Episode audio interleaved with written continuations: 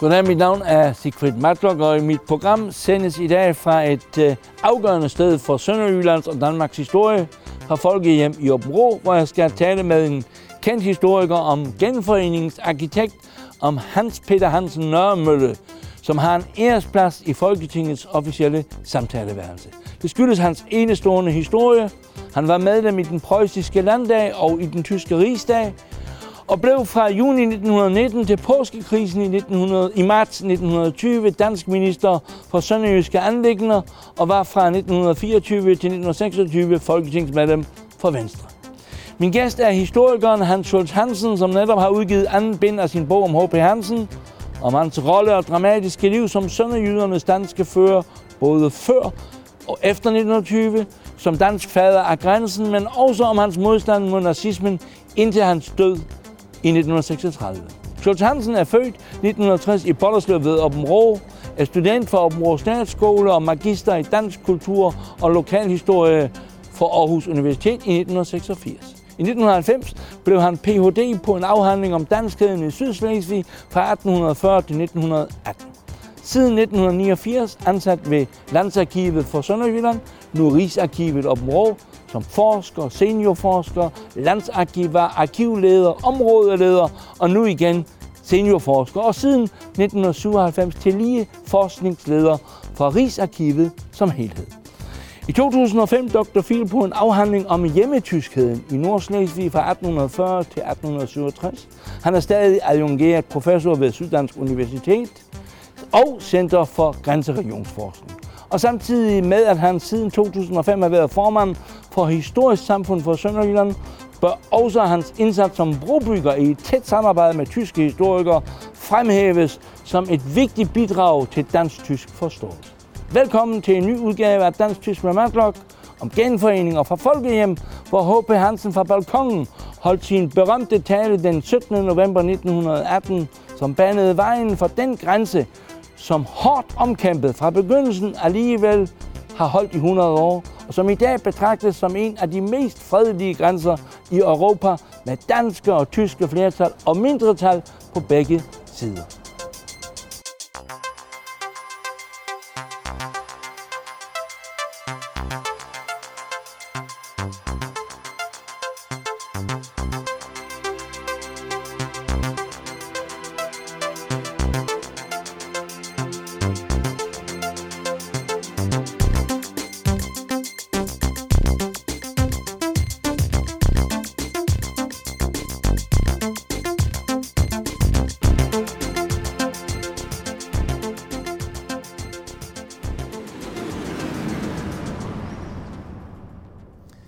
Hans Schultz Hansen, du har skrevet to bind om øh, danskhedens store sønderjyske leder, Hans Peter Hansen, Nørremølle, H.P. Hansen, med to S'er i modsætning til Schultz Hansen. Ja, der er men, også to øh, S'er, både Eddie Schultz og Eddie Hansen. Ja, men, men dog ikke på, på, på det historiske sted, Nej. hvis jeg må sige sådan. Men Schultz Hansen, øh, øh, du har så i forbindelse med, med øh, første bind øh, på et pressemøde, øh, øh, sagt, at hvis du øh, øh, så på, på de danske politikere øh, i, i det sidste århundrede, så var efter din mening H.P. Hansen ved siden af Stavning en af de største. Det er store Ja, men jeg mener, det øh, er rigtigt nok. Øh, jeg synes, at H.P. Hansen og Stavning på en eller anden måde er en lidt anden liga, en sådan, hvad skal man sige, en øh, dansk øh, partipolitiker, sådan skåret hen over normal læst. Altså, øh, de var jo begge, øh, stod begge i spidsen for store folkelige bevægelser. Stavning for Arbejderbevægelsen, H.P. Hansen for den danske bevægelse i øh, Sønderjylland. Og øh, det gør jo, at de var meget, de var politikere, de var drevne politikere, overhovedet ingen tvivl om det. Øh, men øh, de var jo også folkelige ledere på en helt anden måde end en politiker nu om dagen øh, er, og også en, de fleste andre politikere i det 20. århundrede øh, nåede at blive. Øh, det, var også, øh, det er også en kulturel side, altså med arbejderkulturen og, og H.P. Hansen, som jo gjorde en meget stor kulturel indsats ved siden af den politiske indsats. Øh, det var også hele deres måde at tænke den sociale struktur på, og Øh, det, det, jeg synes, det, de, de to de øh, placerer sig sådan lidt øh, i, en, i en gruppe for sig. Jeg ville nedlægge veto en smule, hvis det er tilladt øh, at sige, at, at i den kontekst, fordi du, du taler jo om H.P. Hansen som genforeningsarkitekt, uh, i den kontekst, der, der savner jeg H.C. Hansen. Fordi han jo øh, var en helt afgørende for, at det, som H.P. Hansen i virkeligheden arbejdede for, kom ind i nogle helt andre, også europæiske baner. Lad os øh, sige, at H.C. Hansen han er en god træer. en god træer, tak. Uh, hvis vi så uh, begynder med, eller holder os til, til, til, til H.P. Hansen, så er der jo, uh, når du nu uh, fremhæver ham så meget, uh, så er der i hvert fald én ting, som, som jeg lægger uh, mærke til, og det er, at uh, sjældent er en dansk politiker blevet så dårligt behandlet af sine egne, øh, som netop H.P. Hansen. Altså hvis man øh, ser, hvad der er blevet sagt om ham fra Flensborg-bevægelsens side, fra Dannevirke-bevægelsens side, hvad der er blevet øh, gjort for, at han ikke fik lov til at modtage kongen øh, øh, i, i juli 1920 øh, øh, i nærheden af Christiansfeld.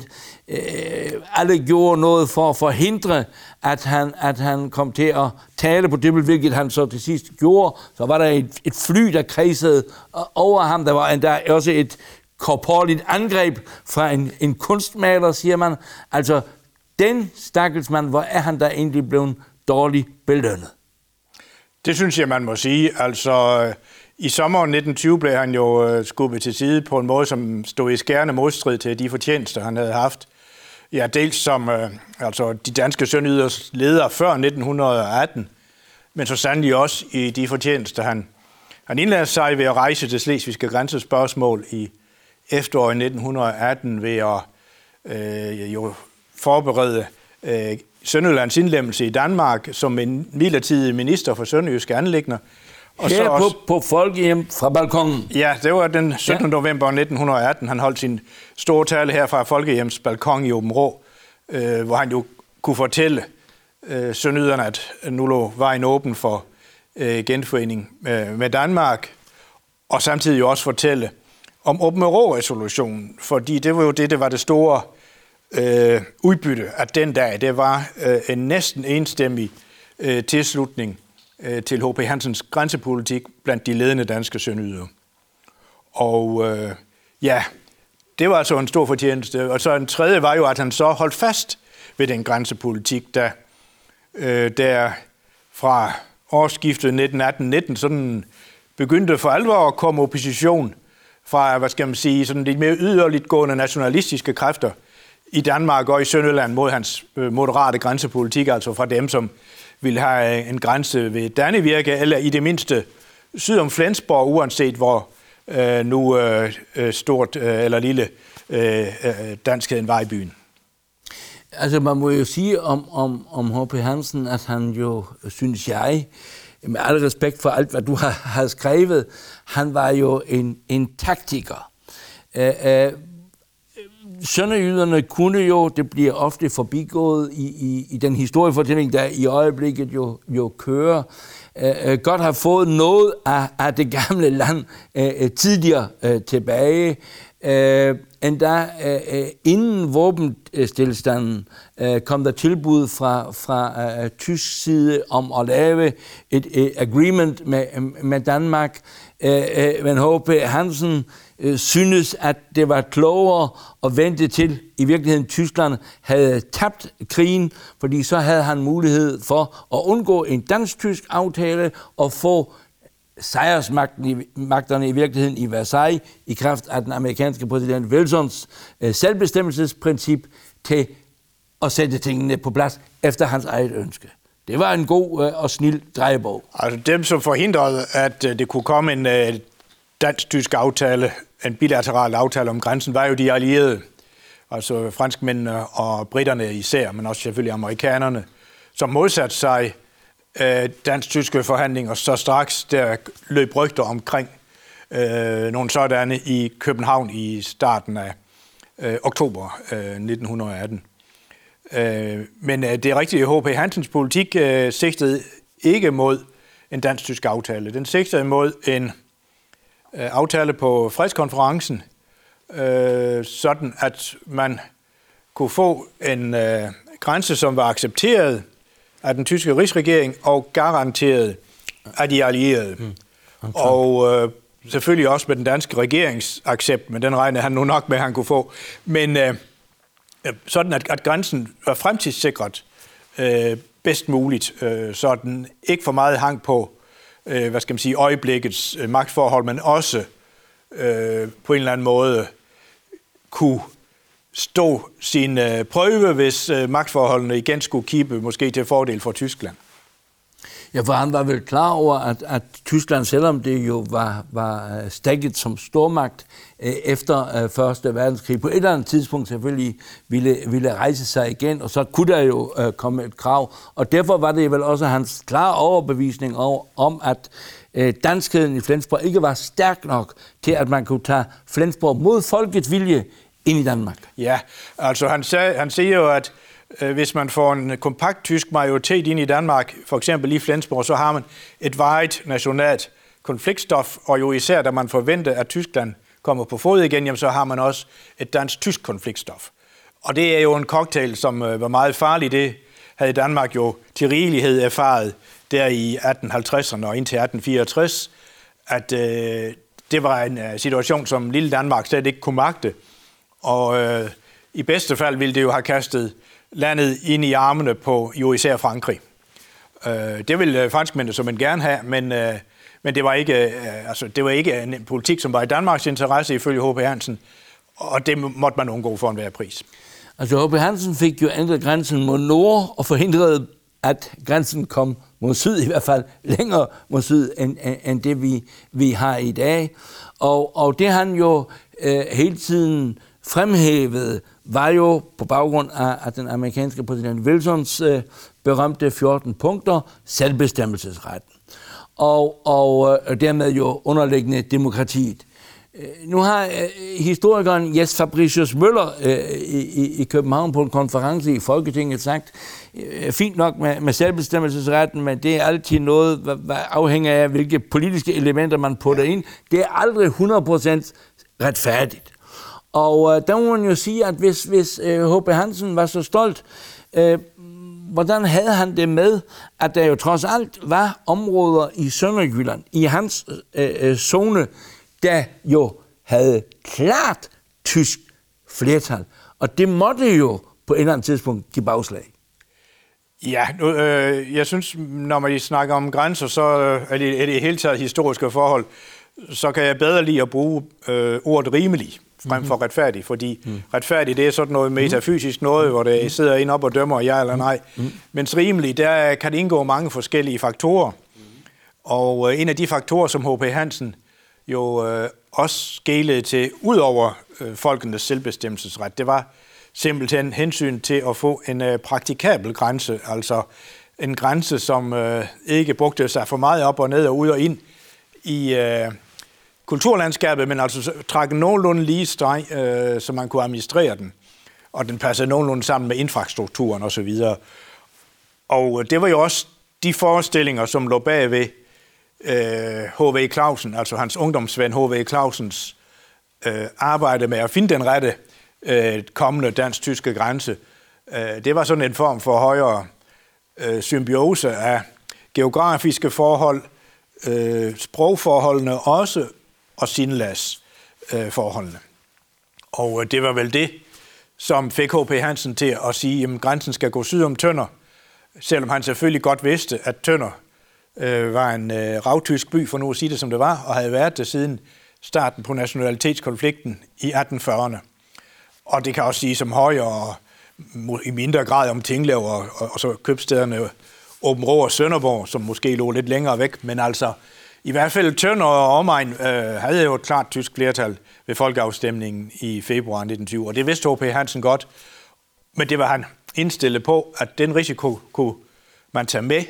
Øh, det kunne Danmark magte at integrere en tysksindet befolkning, men så måtte det heller ikke blive mere. Men, men H.P. Hansen er jo øh, tror to dage før folkeafstemningen, den 10. februar 1920, der er han til det eneste vælgermøde, hvis jeg må sige det sådan, i Ravsted, som jo øh, det, tyske mindretal jo ønskede, øh, altså i hvert fald mente man fra hjemmetysk side, skulle være grænsebyen i stedet for Crusoe. Men, men der er han i Ravsted og, og diskuterer med øh, øh den hjemmetyske leder, pastor Johannes Schmidt Wotter. Øh, der kunne man i øvrigt dengang, der 500 øh, tilhører, der kunne man tale dansk og tysk på en forsamling. Sådan nogle øh, ting drømmer man jo om i dag, men lad det nu ligge. Men der siger han i sin afsluttende replik, H.P. Hansen, at han vil tilsikre det tyske mindretal, at de får liberalere forhold end det, som sønderjyderne har haft under Preussen. Øh, samtidig siger han, det er hans øh, fine garanti til, til det nye tyske mindretal. Samtidig siger han, det skal opsluges. Og det var jo noget, som, som, som virkelig var et, et, et udgangspunkt for, at det tyske mindretal i hvert fald ikke ville leve med, med denne grænse. Altså, øh, det passer ikke sammen, fordi han havde jo også de der sætninger, at tyske mindretal forsvinder som smør i solen, eller som en klippe, der for, for, for vildre. Altså, øh, der synes jeg ikke, at hans kurs er, er klar nok. Øh, det kan man jo sige. Jeg synes jo, den er klar nok ja. på den måde, at ja. øh, det han vil er jo, øh, altså han, det, det er jo danskhedens styrkelse i øh, den genforenede landsdel. Han er jo godt klar over, at det er områder, hvor det er behov for det. Og øh, han mener jo, at grænsen er først rigtig sikker for Danmark i det øjeblik, det ikke er noget tysk mindretal, eller at det i hvert fald er stærkt reduceret. Og øh, det er ingen tvivl om, at H.P. Hansen grundlæggende havde en liberal indstilling til det tyske mindretal, men det var det havde han ud fra, hvad skal man sige, en hensigtsmæssigheds hensigtsmæssighedssynsvinkel. Så det var en dobbeltstrategi? Ja, og det var ikke fordi, han var øh, på den måde liberal eller blød over for det tyske mindretal. Han var det, fordi han mente, at en liberal strategi ville give det bedste udbytte. Jo mindre mindretallet havde at klage over, jo mere stille og gelinde vil den udvikling gå, som han ønskede sig, nemlig jo, at mindretal blev integreret og så sidenhen assimileret i den danske flertalsbefolkning. Når jeg sådan antyder, at der, der også kunne være lidt dobbeltspil i, i, i, i hans øh, øh, forskellige positioner, øh, så tænker jeg på, at han jo øh, på et eller andet øh, tidspunkt jo, jeg tror det var i juni 1919, der bliver han jo, altså inden folkeafstemningen, bliver han minister for sønderjyske anlæggender. Øh, hvordan kan man, selvom, og han siger det til andre, I må ikke være illoyal over for Tyskland, men han er pludselig dansk minister. Øh, er det ikke noget, som, som man kan undre sig over? Og, og så er han jo også en del af hele det der ballade omkring påskekrisen med kong Christian 10. Jo, altså, det er jo mange, der undrede sig over og blev overrasket over, øh, da H.P. Hansen blev minister. De troede så ikke, det kunne lade sig gøre. Men øh, han var jo født i 1862, mm. altså to år før 1864. Mm. Og øh, det gjorde, at han var i besiddelse af dansk indfødsret, og jo dermed kunne blive dansk topembedsmand, som en minister jo er. Men det var det juridiske. Øh, du tænker også mere på det moralske. Ja, for eller... han siger jo til sine egne folk et eller andet sted i en bog, at, ja. at I må ikke være illoyale. Nej.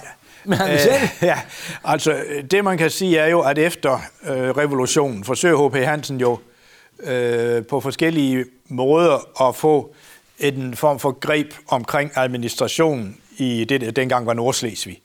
Altså få erstattet de tyske topembedsmænd i landsdelen med, med sønøder. Altså det var for eksempel landråderne.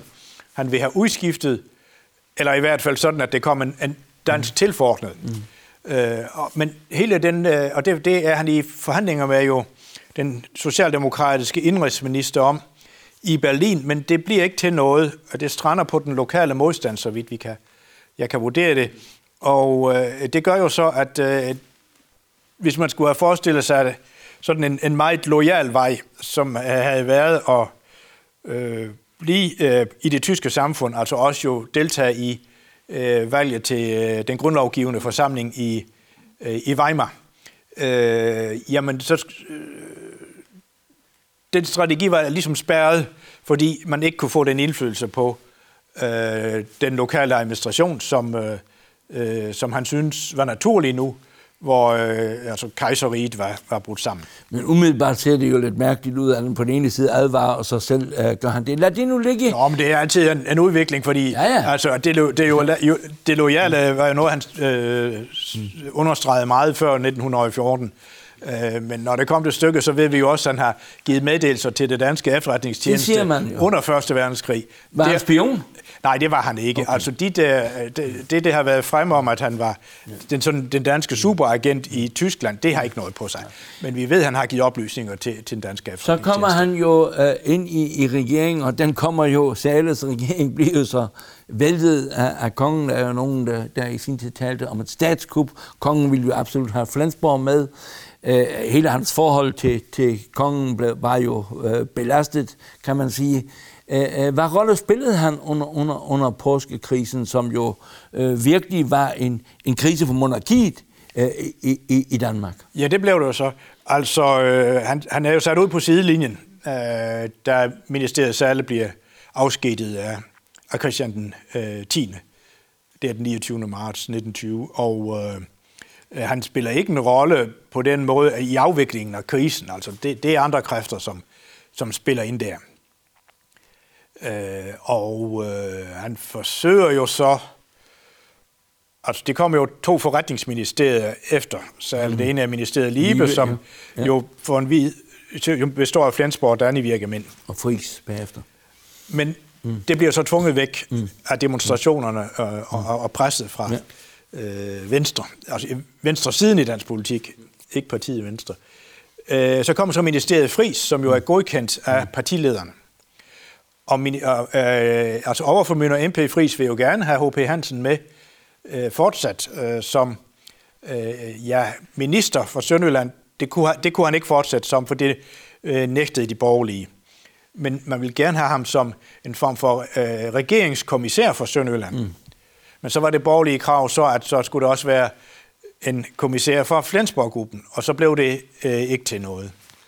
Ej heller, men han fortsatte som uofficiel rådgiver for ministeriet Fris, og han deltog i ministermøderne i ministeriet Frises tid.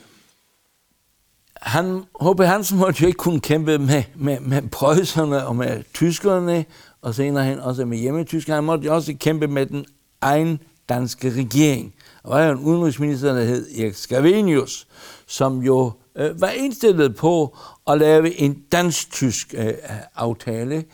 Øh, jeg fandt tilfældigvis for nogle tid siden et, et, et dokument i et arkiv, Tysk Udenrigsministeriums arkiv i, i Berlin, hvor, hvor Erik Scavenius den 16. juli, altså 1940, få øh, øh, måneder kort tid efter besættelsen, Øh, er til møde ved den tyske gesandt Rente Fink, og der faktisk siger, jamen kan vi ikke finde et agreement på det sønderjyske spørgsmål, hvorpå det selvfølgelig bliver rapporteret til Berlin, og Reichsaußenminister i Berlin giver sin gesandt en klar instruks, finger væk, intet med det sønderjyske spørgsmål.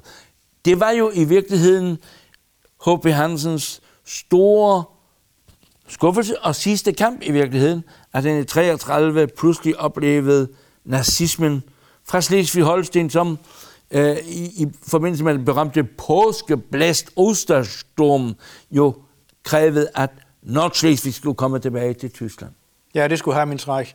Ja, øh, det er klart, det var jo øh, ikke den udviklingslinje, H.P. Hansen havde håbet på. Han havde selvfølgelig håbet på stadig mere fredelige forhold ved grænsen, Underforstået så gik det tyske mindretal nok i sig selv igen. Og det var jo lige præcis det modsatte skete. Det skriver du også i din bog. Her ja. tog han fejl, skrev ja, ja, ja, altså øh, han undervurderede jo ja. det tyske mindretals livskraft, må man jo sige. Ikke? Øh, men øh, jo, selvfølgelig var det en stor skuffelse og forskrækkelse for ham, at øh, grænsespørgsmålet igen blev gjort aktuelt, øh, sådan officielt aktuelt. Det tyske mindretal havde jo hele tiden bestridt det, men nu kom der jo så ledende folk frem fra Slesvig-Holsten, altså øh, som jo støttede op om, om kravet om, at nu skulle Nordslesvig i større eller mindre udstrækning tilbage til, til Tyskland. Og øh, der er det jo så, at han stiller sig i spidsen for den danske øh, modaktion øh, ved at indkalde til et møde her på Folkehjem i Åben den 12. april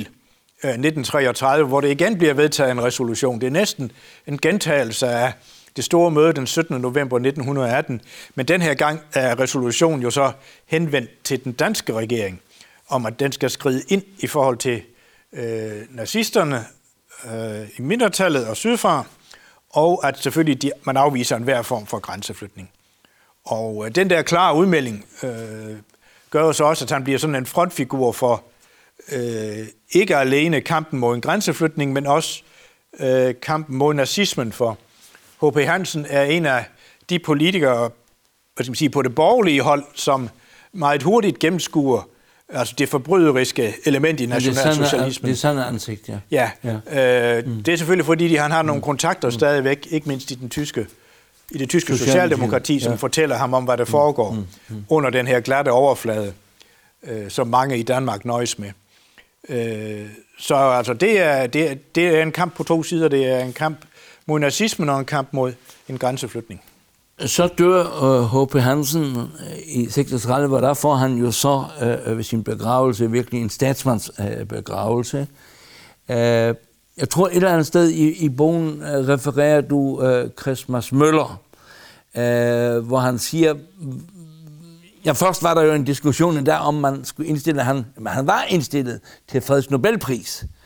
Og så på et eller andet, og det var der jo nogle uh, dannevirkemænd, der, der, der forhindrede ved at skrive til, til den norske uh, storting og, og protestere imod mod den tanke. Det blev jo ikke til noget. Så kom Christmas Møller, som, som sagde, jamen er der en, der skulle have elefantorden her i Danmark, så var det H.P. Uh, Hansen. Det er jo virkelig en, en enorm understregning af, af hans enorme betydning, øh, ikke kun for Sønderjylland, men også for Danmark. Jo, øh, det fik han jo så ikke. Han øh, øh, øh, fik jo kun lige og lige de ord, når han skulle have som tidligere minister. Øh, ja, kongen var jo ikke glad for ham. Christian 10. Øh, var ikke glad for H.P. Hansen, i hvert fald ikke for hans grænsepolitik. Og øh, øh, så, så forsøg på at, at give ham øh, sådan en større ordenstildeling, det, det altså statsminister Nergård ville egentlig gerne have givet ham men øh, det vidste han, det kom han ikke igennem med hos kongen. Så, så det blev ikke til noget.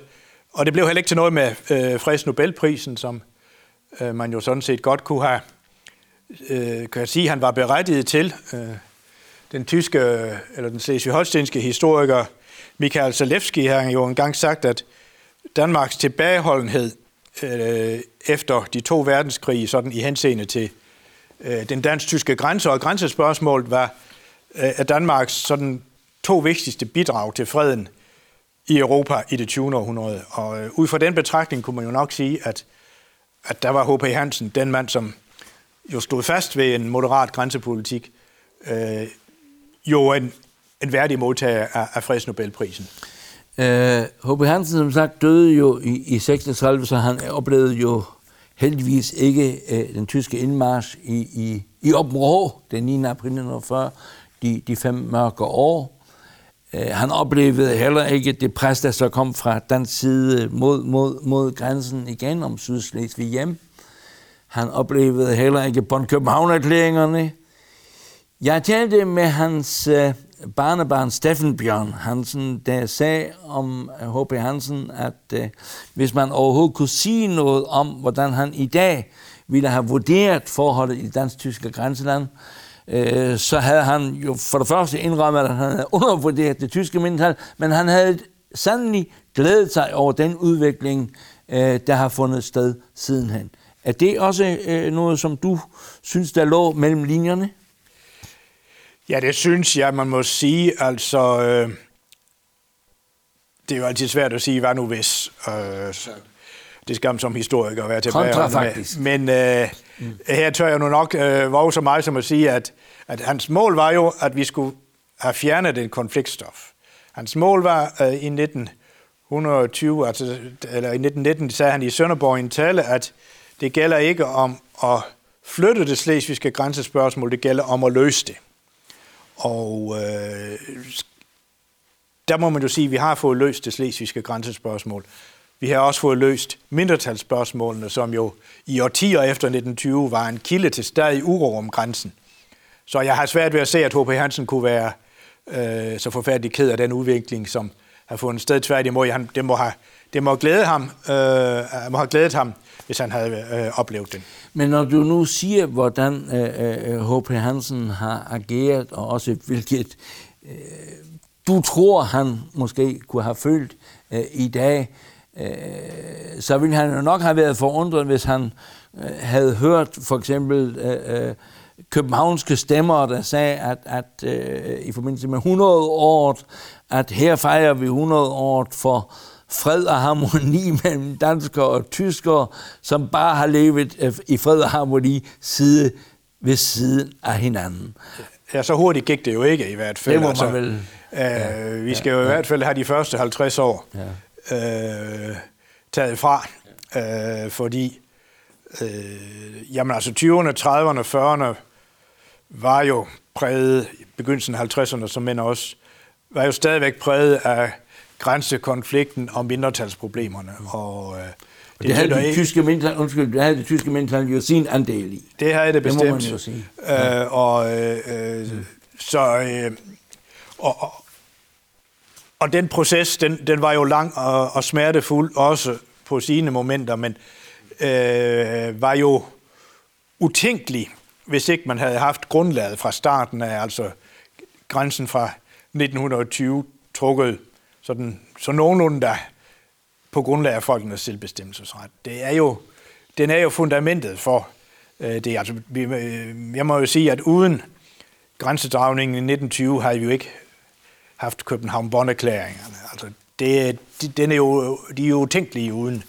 øh, en en grænsedragning i 1920. Sultansen, jeg nævnte lige det tyske mindretalsandel netop, jo selvfølgelig i tiden fra 33 øh, til 45, øh, også med de belastninger, som selvfølgelig øh, kom, kom øh, bagefter. Øh, der er jo mange i Danmark, der, der egentlig spørger, øh, øh, hvad er det egentlig for noget, et tysk mindretal? Du har jo lavet en, en stor afhandling øh, omkring hjemmetyskheden. Kan du i, i, i, i korthed øh, fortælle, hvad egentlig en hjemmetysker er? Hvor kommer han egentlig fra? Ja, han kommer herfra, altså fra Sønderland. Øh, begrebet øh, stammer fra 1848, hvor øh, man bruger det til at betegne øh, de øh, tyskere, altså tilhængere af Slesvig-Holsten og øh, et øh, kommende tysk øh, samlet rige, øh, som er født og opvokset og bosiddende her i den sønderjyske landsdel. Det var et skældsord dengang. Det startede med at være et skældsord, fordi hjemmetysker, det blev måske sådan øh, anset som, at de var mindre lødige sådan i forhold til de rigtige tyskere. Det kunne deres gøter og schiller og alt det der, ikke? Og, og, og tale pænt højtysk, mens øh, det knep måske nok øh, for hjemmetyskerne, øh, som jo i, for en stor del vedkommende øh, snakkede sønderjysk. Og øh, det... Øh, men, men som tiden gik, så var det også nogen øh, blandt øh, de tyske nordslesvigere, som mente, at det begreb egentlig var dækkende, fordi det sagde jo så også, at tyskheden havde en hjemstavnsret, kan man sige, mm. i øh, Sønderjylland. Og øh, at det i hvert fald ikke bare var noget, som var kommet ind sydfra, øh, som, øh, og dermed var mindre var bofast. Og, øh, og vi kan se øh, jo blandt andet øh, den øh, tyske pastor Jacobsen fra Skærbæk er vist nok den første, som øh, fra, fra den tyske side, som selv kalder sig en hjemmetysker. Og det har jo også i nyere tid været skrevet om bøger om uh, Heimdeutschen. Det er Günther Weidling, som har, har gjort det. Og så, så der kan man sige, at uh, der er det sket det fra at være et skældsord, at det sådan blevet taget ind af, af mindretallet uh, til at være et, et, et, et, et, altså det identitetsbegreb, et identitetsbegreb som, ja, ja. som siger, at, at mm. jamen, uh, godt nok er vi tyske, men vi er der på vores måde. Og vi er på det på en måde, som har en historie, en 100 lang historie øh, bag os her i, og i landsdelen. et regionalt og territorialt tilsnit, kan man sige. Ja, som selvfølgelig er et produkt af, af historien. Ja. Øh, Ansel Hansen, desværre øh, må vi jo øh, slutte, men, men, men jeg vil gerne øh, henvise til en H.P. Hansen-mand, Øh, det var den tidligere historiker og også meget kendte diplomat Troels Fink. Øh, og du er jo faktisk gået i hans fodspor med, med H.P. Hansen, som du jo har beskrevet som øh, genforeningsarkitekt, som øh, mand, der gik med tiden, men mod strømmen som en rigtig statsmand. Øh, du har i, i din bog øh, fortalt en, en lille sjov anekdote om, at striden mellem Flensborg-folkene og Åben øh, den førte i Sønderjylland til, at en familie, der skulle holde sølvbrøllup, øh, de måtte afholde to fester, en for Åben og en for Flensborg-folkene. Øh, jeg vil jo sige, du er jo en fuld 100% Åben mand. Har du haft øh, problemer, når du skal feste? Ja, under coronatiden, der kan man jo godt have problemer med, hvor mange man må invitere i hvert fald. Øh, men øh, nej, det har jeg ikke. Øh, jeg har øh, gode venner, øh, som har ophav i det tyske mindretal, og øh, det mener jeg ikke har givet anledning til, til problemer, slet ikke i forbindelse med fester. Og heller ikke for den side så selvfølgelig. For der er jo nogen, der endnu har nogle skjulte eller åbne ønsker om så er, de holdt de det for, så er de holdt det for sig selv ved de lejligheder. Men altså, det er jo, øh, jamen, altså, det er jo forskellige syn på, øh, hvordan forholdet er mellem dansk og tysk nu om dagen. Og det kommer an på, om man ser øh, glasset er halvt fuldt eller halvt tomt. Ikke? Øh, er man optimist, så siger man, at det er rigtig godt, og de øh, ting, som indimellem øh, viser sig, øh, vi kan bare tage de tosprogede øh, byskilte, Øh, jamen det, er, det, er, det er små krusninger på en overflade, som ellers er spejlglat. Andre siger jo så, at øh, jamen, øh, når man sådan riser lidt i lakken, øh, jamen så kan man se nedenunder, der det, ligger det alligevel nogle dybere liggende modsætninger, som øh, så bare ikke kommer til udtryk i en ellers fordragelig hverdag. Og, og det er jo egentlig et mest et temperamentsspørgsmål, øh, hvad man mener. Øh, det er der altså ikke sådan umiddelbart videnskabeligt øh, efterprøve. Øh, så. Men du er jo en mand, der i hvert fald siger, at glasset er mere end halvfuldt. Det vil, jeg, det vil jeg så gøre her i hvert fald, ja. Tak for det.